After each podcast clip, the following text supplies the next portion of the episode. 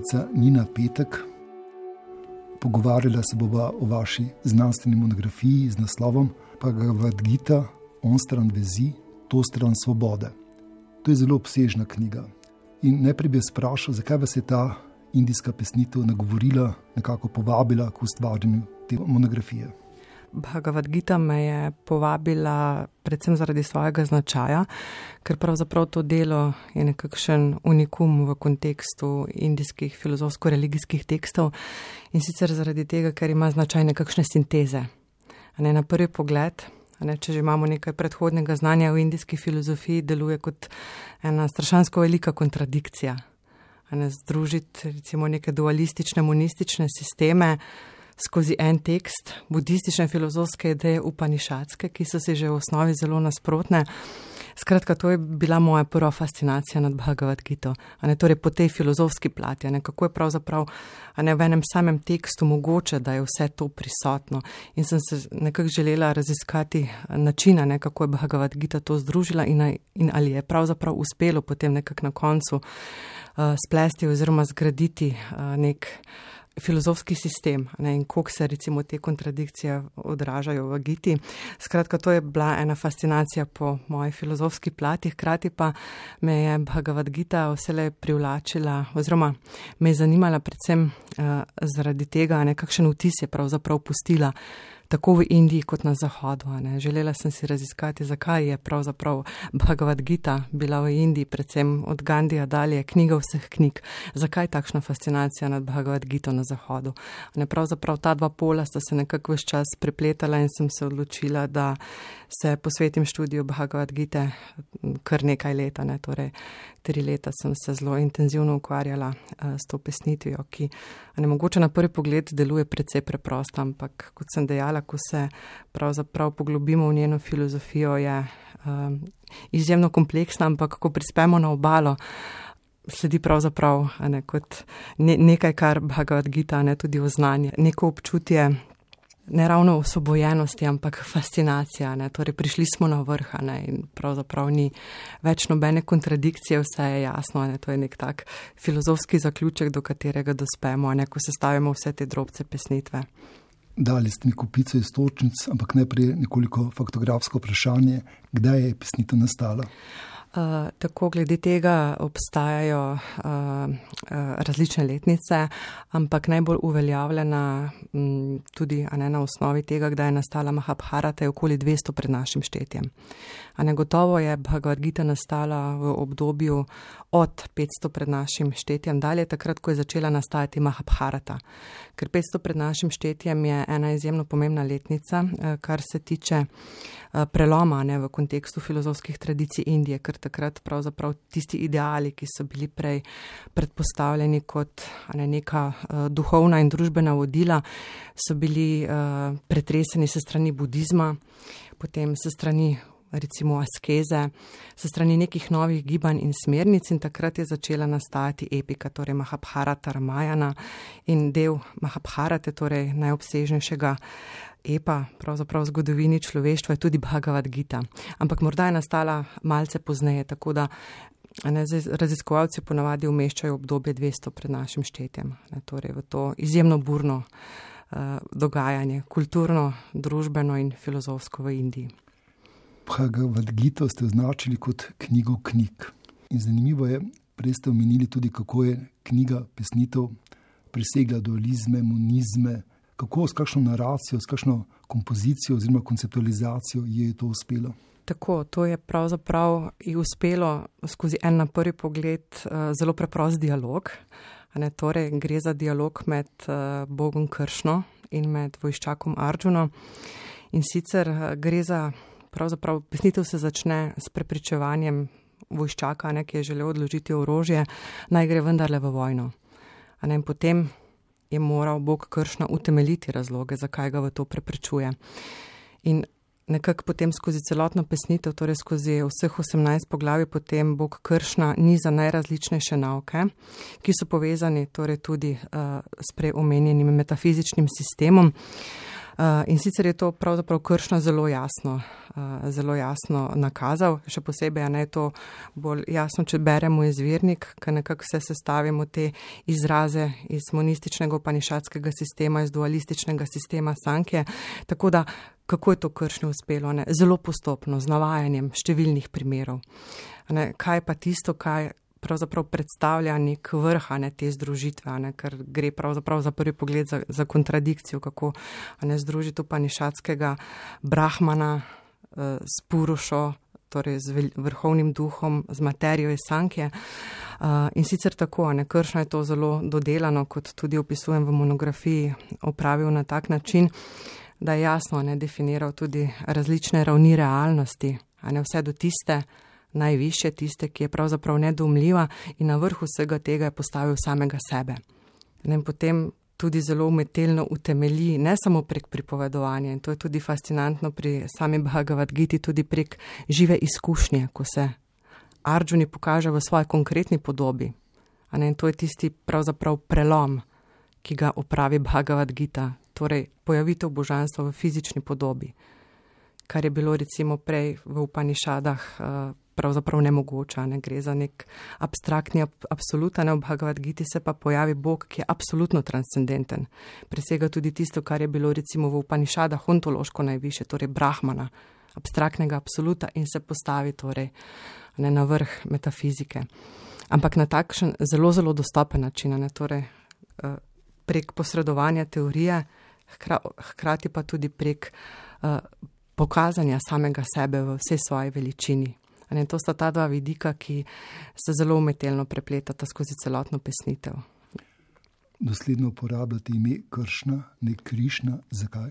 Tako, ker se uh, zlogotvorni R se izgovarja R, ne ri.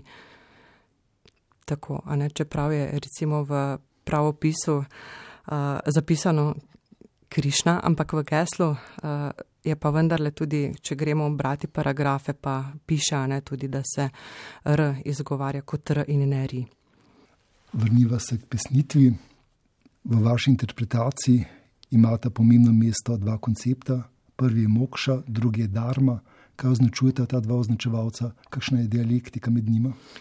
Tako, ja, to je pravzaprav ta dialektika teče skozi celotno dediščino Indije, torej filozofsko-religijsko dediščino Indije in hkrati seveda tudi družbeno odslikava pa pravzaprav uh, dve plati človekove eksistence. Ne, človek je na eni strani družbeno bitje, aktivno vključeno v celotno posvetno dogajanje, na drugi strani je pa duhovno bitje, torej je bitje, ki išče ne, neko zadovolitev, ne, neko više spoznanje, ki pa je onkraj tega sveta.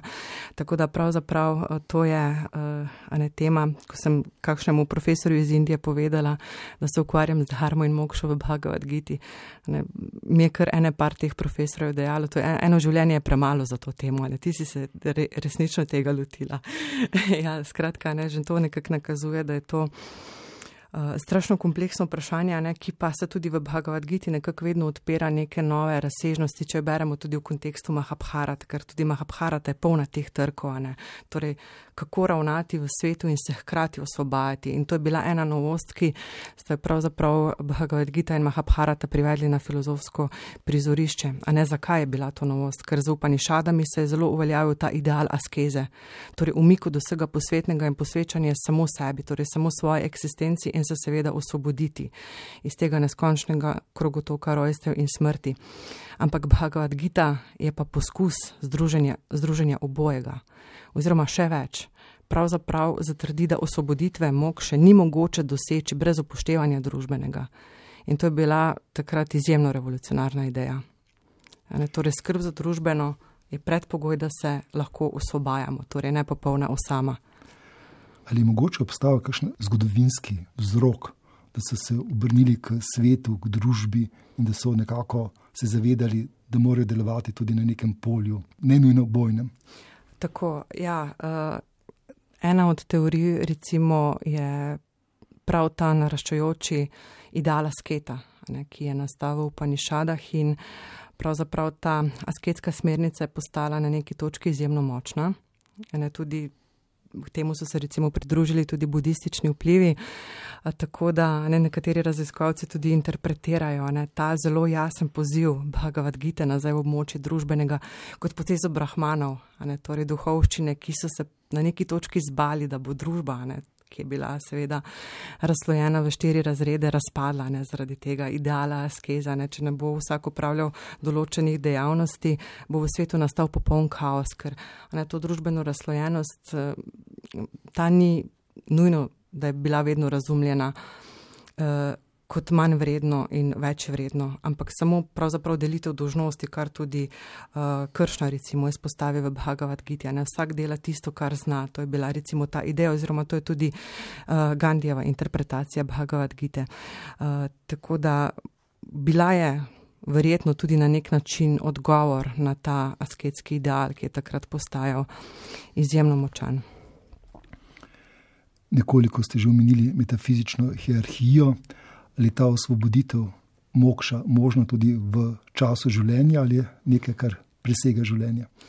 Tako, pravzaprav je mokša je mogoča eh, oziroma predpogoj za tisto mokšo, ki sega onkraj življenja in smrti, je pravzaprav tu zemska mokša.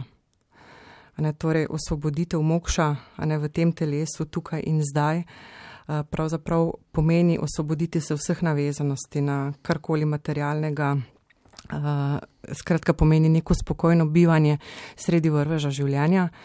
Uh, hkrati pa je ta mokša, ne, strokovno se ji pravimo tudi nekako v kontekstu celotnih indijskih filozofij, saguna mokša. To pomeni mokša z lastnostmi, torej lastnostmi, ki jih posedujemo v svoji psihofizični eksistenci, ampak ta je pa predpogoj, seveda. Predpogoj, da se osvobodimo tukaj v tem svetu, je potem ta mokša, ki se imenuje nirguna mokša, torej mokša onkraj kakršnih koli lastnosti, torej onkraj svojega lastnega telesa in uma.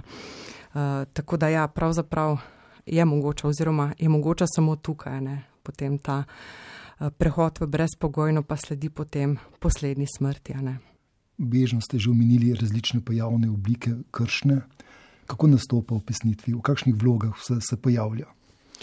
Uh, tako njegova izhodiščna vloga, kakršnega pozna, ga pozna tudi Arjuna, uh, je kršna kot avatara. Ne, sam pomen izraza avatara je tisti, ki je stopil dol, ne, torej tisti, ki je stopil iz nekega nadprostora, torej iz transcendence v ta svet. Uh, ampak na tej točki, torej na začetku pesnitve in torej prej v Mahabharati, seveda Arjuna še ni vedel, da je kršna avatara, ker se pojavi v človeku podobni podobi. Uh, ampak to je en tak poseben odraz pojmovanja vrhovnega božanstva v Giti. Uh, se pravzaprav začne prav s to pesnitvijo, ne, torej božanstvo v človeški podobi, zakaj, ne, za voljo svoje milosti do človeka, da mu pomaga razrešiti eno izjemno trpko situacijo, ki je nastala. V primeru Bhagavad Gite je spopad med dvema sprtima družinama. Torej, to je prva pojavitev kršne, ki mu jo potem seveda skozi celotno pesnitev postopno razkriva. Potem zelo subtilno je omenjena še ena pojavitev kršna kot imanentno prisoten v svetu, torej kot aveša, torej nekaj, kar svet preveva, ne, kljub temu, da je absolutno onkraj, je v svetu vse prisoten. Ne, to pove za eno zelo lepo podobo, ne, na meni vse nanizano je kot biserina v grlici.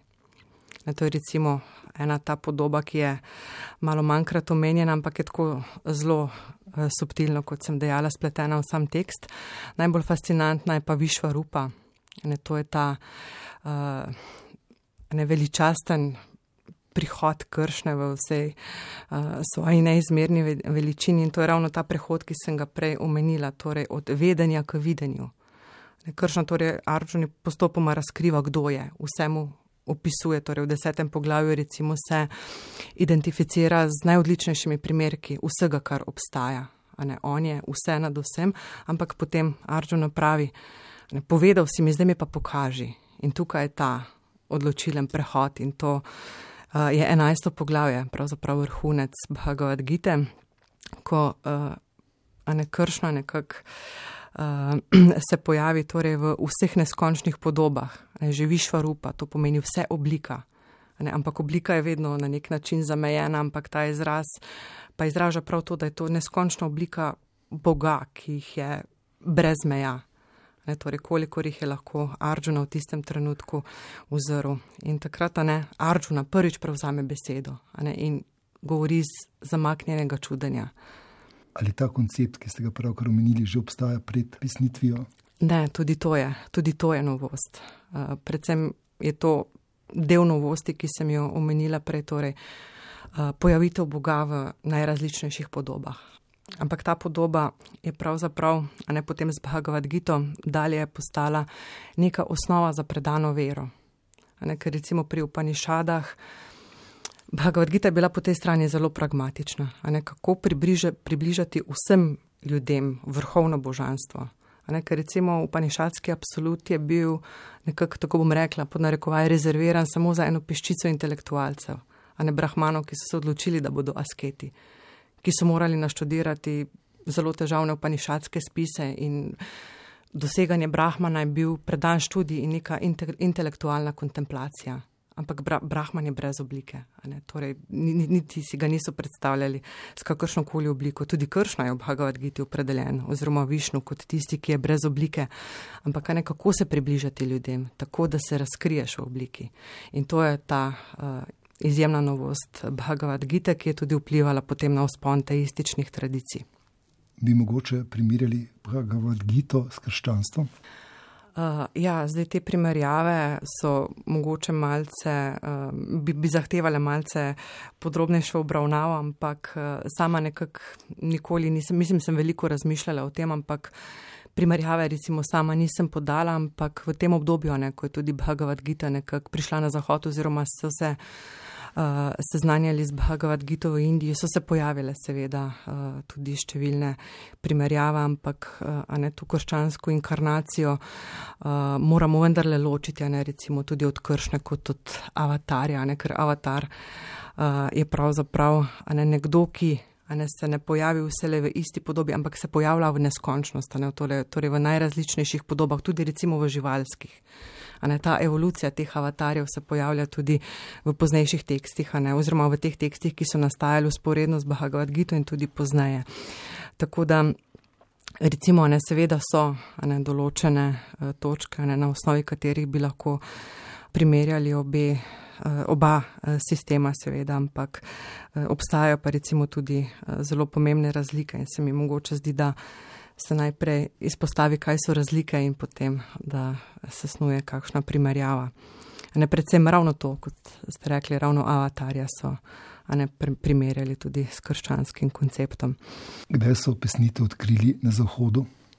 Zahod je bil prvič seznanjen um, leta 1785, ko je bila Bhagavad Gita tudi prvič prevedena v angleščino, čeprav naj bi že nek prevod v portugalščini obstajal že v 16. stoletju, ampak ta Wilkinsonov prevod je bil uh, tisti, ki je nekako uh, pravzaprav odprl vrata, ne, začel odpirati tako počasi vrata Bhagavad Gita na zahod.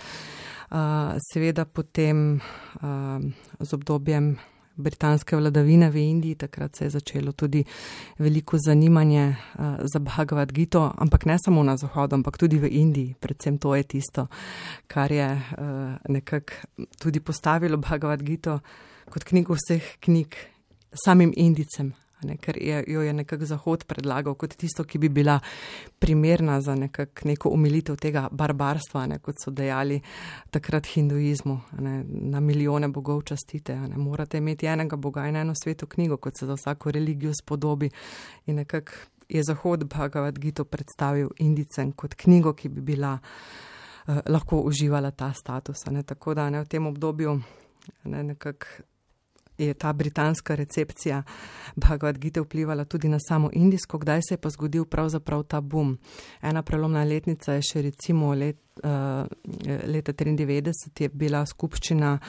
Um, 1893 skupščina religij v Chicagu, ko je s vami Vivekananda ne, nekako predstavil uh, indijsko filozofijo, religijo svetu in je tudi citiral Erze iz Bhagavad Gita, tako da ne, on je takrat ne, na široko odprl vrata številnim gurujem. Potem, ne, recimo, hipijevsko gibanje, ne, če omenim samo ene par teh prelomnih letnic. Um, ne, to je bil nekak čas iskanja, ne, čas ne, nekega izgubljenega smisla In uh, seveda so ga iskali tudi v Bhagavad Giti. Na Bhagavad Gita se naveza tudi Gandhi. Zakaj ga je pritegnila? Predvsem kot pravi sam ga je pritegnila zaradi koncepta delovanja, torej zaradi karma joge. Uh, in nekako po Bhagavad Gita in potem uh, principu je deloval tudi on sam. Torej, kaj pomeni karma joga? Ne, to je nekako lahko tudi zelo praktično vodilo za naše vsakdanje življenje. Ne, torej, da pač opravimo neko dolžnost, ne, če, tudi ne, se nam upira, ampak jo kljub temu vemo, da jo moramo opraviti za voljo vzdrževanja reda na ravni družbe. Uh, ampak kako to opraviti? Ne, z neko spokojnostjo ne, in z neko vedrino, kot je to počel tudi San Gandhi. Ne, torej, izpolnjevati svoje dolžnosti, ki so nam dane, ne, ki so nam določene, skrbeti za družbeno, hkrati pa to upraviti, ne, torej, ne z neko tako um, spokojno in naklonjeno držo. In to dilemo, to nalogo je imel pred sabo tudi Arjuna. Ne? Tako, tako. In to je bila ne, tista dilema, ki je pravzaprav zelo človeška. In sam začetek Bhagavad Gita uh, je za nekatere bralce, kako bi rekla, malce šokanten. Ne, torej, vojščak pride na bojno polje in uh, preprosto ne hoče odložiti orožje, ker noče pobiti svojih sorodnikov, ne, ki so na drugi strani že prav dobro ve, da so zlobni.